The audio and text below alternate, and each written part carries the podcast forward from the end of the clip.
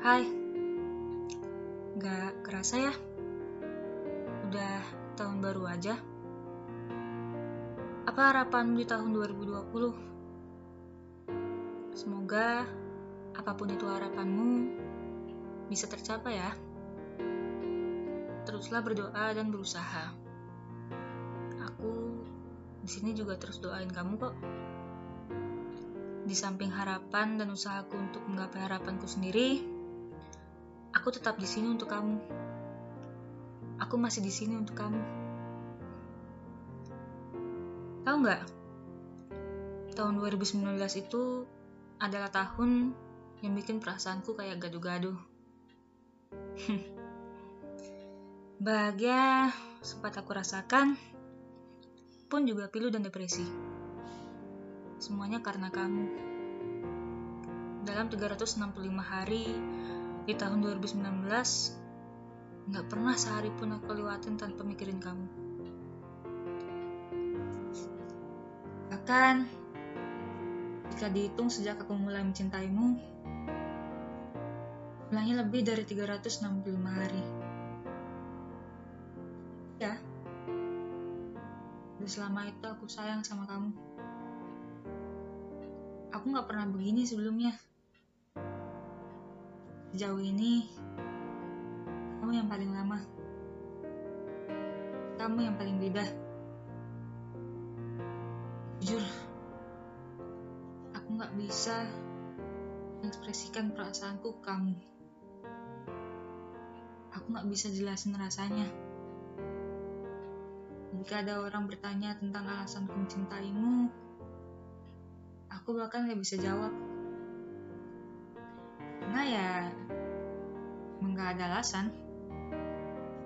Menurutku, itu juga tergantung hati. Jadi bukan aku yang memilih untuk mencintai kamu. Maaf. Maaf kalau aku gak bisa jadi seperti yang kamu mau. Maaf kalau aku udah ngancurin semuanya. Maaf, perasaan ini gak bisa aku hadang. Aku terlalu egois. Gak memikirkan hubungan kita, tapi lebih mementingkan perasaanku sendiri. Maaf kalau aku terkesan tidak memahami perasaanmu. Aku tahu aku yang ngancurin semuanya dengan menyatakan perasaan ini. Aku berekspektasi terlalu tinggi. Setelah kejadian itu, kira aku yang paling tersakiti. Dan aku ingin kamu mengerti tanpa memikirkan perasaanmu kala itu. Tapi, aku sadar kamu juga pasti kecewa. Kamu pasti risih ya? Maaf ya, tolong jangan begitu. Aku sangat takut kehilangan kamu. Tapi perbuatanku sendiri yang menyebabkan ketakutanku terjadi. Jujur, aku memang masih sayang kamu. Sayang banget. Tapi aku sadar gak mungkin kita lebih dari itu. Mungkin kamu punya rasa padaku. Gak apa kok. Setelah semua pergumulan ini, aku sadar aku yang egois. Aku sadar daripada hubungan kita rusak karena perasaan ini aku ungkapkan, lebih baik aku pendam. Setidaknya berada di dekatmu saja sudah cukup. Terus bersamamu saja dan membuatku merasa aman. Meskipun waktu tak bisa aku putar kembali.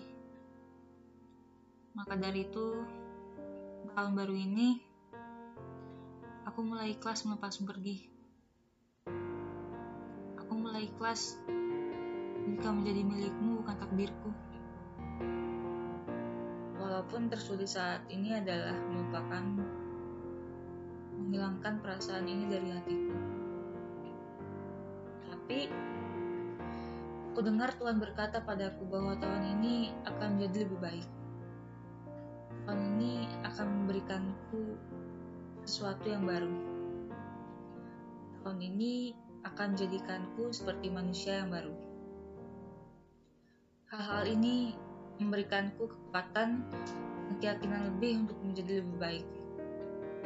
Mengambil pelajaran tentunya dari kejadian lalu. Lewat pesan ini, aku sangat berharap kamu mau memaafkanku.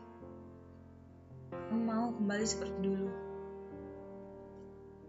Aku tahu mungkin rasanya tak akan sama. Aku tahu mungkin kamu menganggapku aneh. Tapi percaya padaku, aku akan berusaha menjadi yang lebih baik. Percayalah, aku sangat teramat menyesal. Mohon, maafkan aku. Aku rindu kita yang dulu. Meskipun saat ini kamu membenciku, aku tidak pernah membencimu. Tidak akan bisa. Aku ingin kamu tahu bahwa aku akan terus di sini untuk kamu.